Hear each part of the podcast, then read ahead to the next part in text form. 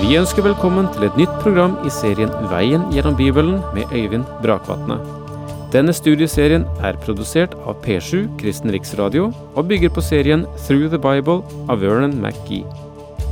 I dag fortsetter vi med profeten Mika.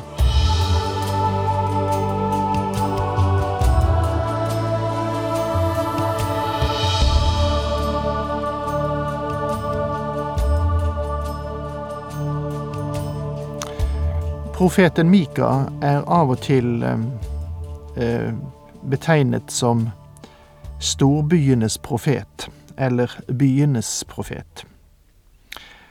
Og det kan vi sikkert si, for i hans lille profetbok er det to metropoler, to storsteder, som eh, han konsentrerer det profetiske budskapet om, nemlig Samaria og Jerusalem.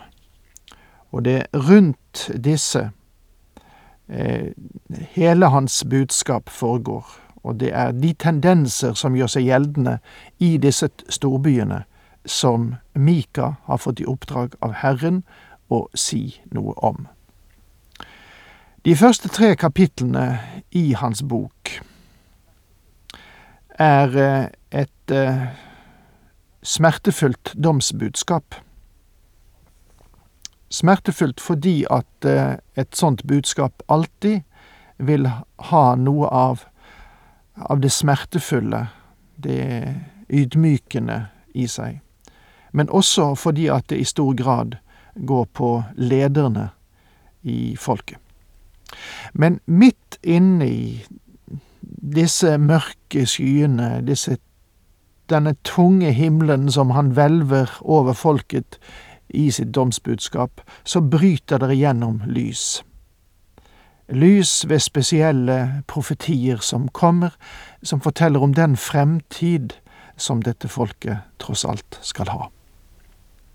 Og det er der vi befinner oss nå, ved slutten av andre kapitlet.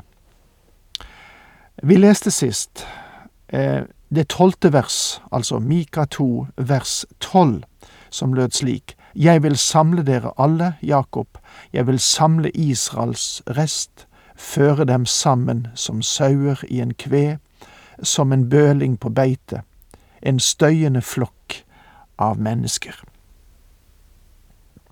Det verset kommenterte vi sist. Og vi merker oss igjen at eh, Mika bruker uttrykket 'jeg vil samle Israels rest'. Og når det er snakk om en rest av folket, så bruker han navnet Israel. Og Gud har alltid hatt en trofast rest i folket, og faktisk er det slik at han aldri har hatt mer enn en rest. Det har aldri vært en tid, så langt vi kjenner til, der det kunne sies at 100 av folket hadde vendt seg til Gud. Og det var alltid på grunn av denne rest at Gud var nådig mot nasjonen. Og det skal skje igjen i fremtiden. Og så avsluttes dette kapitlet med følgende vers, altså vers 13. Han som bryter vei, går foran dem de trenger gjennom porten og drar ut av den. Deres konge går foran dem, Herren selv går i spissen for dem. Han som bryter vei, går foran dem. Denne bryteren, om du vil si det, er den som rydder unna hindringer og leder dem. Og jeg tror at eh, dette henviser til at de skal gå inn i tusenårsriket når den Herre Jesus Kristus skal være den som leder dem og ved den tid vil han ha vendt tilbake til jorden. Og dette verset henviser til ham som han bryter vei, deres konge og deres herre.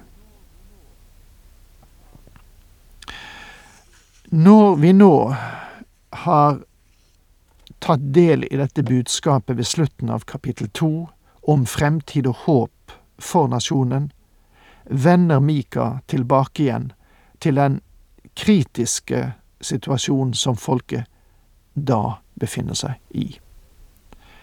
Og her i kapittel tre tar han for seg lederne og taler dem til rette for deres synders skyld.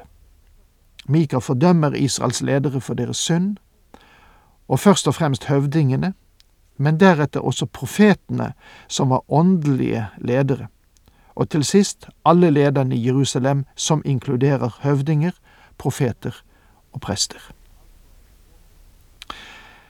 Denne delen, altså med åpning i kapittel tre, åpner med et kall til å lytte, som hver av hoveddelene i Mika-boken gjør. Jeg sa, Hør nå, Jakobs høvdinger, dere er styresmenn i Israel. Skulle ikke dere vite hva som er lov og rett? Hør nå, Jakobs høvdinger, han taler til folkets lederskap. Skulle ikke dere vite hva som er lov og rett? Hva mener han med det? Vel, han henvender seg til Israels ledere som var dommere og fylkesledere. Når mennesker ble funnet skyldig i kriminelle handlinger, ble de ført fram for disse menn for å få sin dom. Så derfor burde i alle fall de vite hva dom og rettferdighet er. Den samme tanken blir uttrykt i Det nye testamentet. Derfor har du ingen unnskyldning, du menneske som dømmer, hvem du så er, for når du dømmer en annen, fordømmer du deg selv. Du gjør jo det samme selv, som Paulus skriver i Romane 2, vers 1. Det samme selv betyr ikke identiske ting, men lignende ting. Et eksempel på dette finner vi i 2. Samuels bok kapittel 12. Profeten Natan kom til kong David og fortalte ham om en rik mann i hans rike som hadde en stor saueflokk. Men når han trengte mat for å servere en gjest, så i stedet for å ta et lam fra sin egen flokk, så tok han en fattigmanns eneste lam. Den mest dyrebare eiendom denne mannen hadde, og grillet det for sin gjest. Da David hørte det, reiste han seg, full av vrede, og forkynte dom over den mannen som kunne gjøre noe så simpelt. Han så urettferdigheten i det hele, og likevel hadde han selv gjort noe lignende. Og Natan sa til David, Du er mannen. David aksepterte dommen og bekjente sin skyld for Gud. Og det er overraskende, mine venner, og lett å se andre menneskers synd, men vi overser våre egne. Og Det er årsaken til at Gud sier til disse lederne i Israel, dere har dømt andre for deres misgjerninger, men dere gjør jo akkurat det samme selv. Denne anklagen gjelder også for vår tid. Jeg har av og til en følelse av at når dommere lytter til en sak mot en som er anklaget, så kan han selv være så berørt gjennom sine egne handlinger at dommen blir svært mild for at dommeren skal dekke sin egen samvittighet. Det er for mange som ikke har rent mel i posen, som bærer ansvar for de største etiske avgjørelser. Mer enn noe annet i vårt folk trenger vi menn og kvinner med helstøpt karakter i en høyst uryddig tid. Og dette er nøyaktig det Mika sier til lederskapet i sin tid. Skulle ikke dere vite hva som er lov og rett? Dere handler ikke ut fra at dere ikke vet. Dere har hatt erfaring i dette. Dere har dømt mennesker som er skyldige, nå er det dere som er skyldige. Men dere hater det gode og elsker det onde. Dere flår huden av folk og river kjøttet av knokene. Dere hater det gode og elsker det onde. Det er litt vanskelig for en dommer som har vært i selskap kvelden før og selv har vært litt på en snei, og så skal dømme en mann neste dag som har drept noen fordi han kjørte i beruset tilstand. Ikke å undres på at dommeren viser særlig positive hensyn. Jeg vet hva jeg snakker om, mine venner, gjennom nærkontakt. På Mikas tid hatet faktisk lederne det gode og elsket det onde.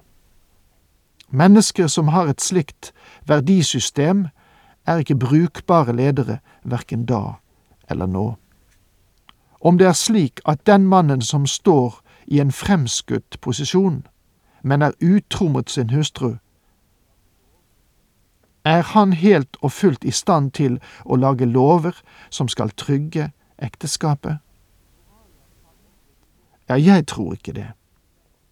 Moralens sammenbrudd i vår tid går tilbake til dem som utformer lover, og Gud retter sin pekefinger mot lederskap i Israel på Mikas tid. Som jeg har eh, sagt tidligere, presenterer Gud i denne lille boken til profeten Mika en filosofi når det gjelder lederskap, der det grunnleggende er menn og kvinner av høy moral og sunn karakter som besitter ansvaret. Dere flår huden av folk og river kjøttet av knokene. Han bruker en levende illustrasjon her på barbarisk framferd mot de fattige. Og ser vi for eksempel på Sør-Amerika, så er dette en lederstil som langt fra er blitt for gammel, dessverre. De eter kjøttet av mitt folk, flår skinnet av og knuser deres ben. De brer det ut som i en gryte, som kjøttet i en kjele. Med andre ord er de som ufølsomme menneskelige kannibaler når det gjelder behandlingen av de fattige. De er skruppelløse og nådeløse, og jeg ville nødig vært anklaget av en av disse. Og det er ikke rart at David utbrøt, la oss da helst falle i Herrens hånd, for hans barmhjertighet er stor, men i menneskers hånd vil jeg ikke falle, som han sier i 2. Samuels bok kapittel 24 vers 14. Og jeg tror at vi vil få en langt bedre behandling for den Herre Jesu Kristi åsyn enn om vi ble dømt av mennesker.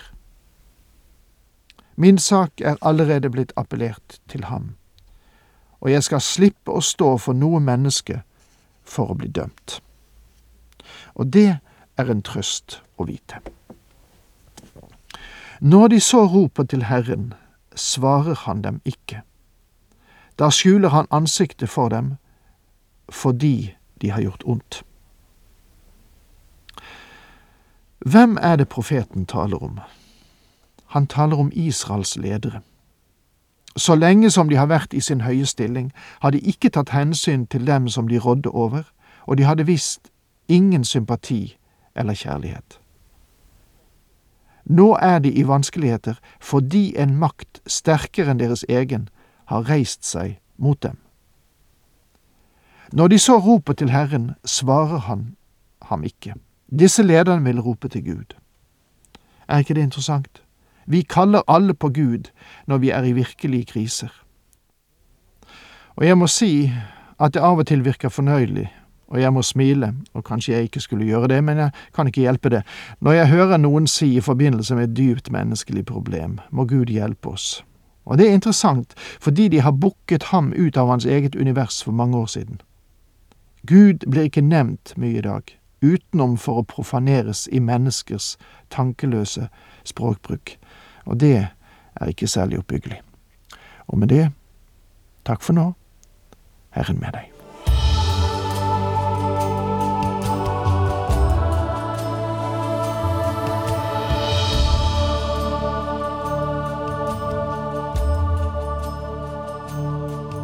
Du hørte Øyvind Brakvatne i studieserien Veien gjennom Bibelen. Serien bygger på et manus av Vern McGee. Har du spørsmål eller kommentarer til programmet, kan du sende en e-post til vgb krøllalfa p7.no. Takk for i dag, og på gjenhør.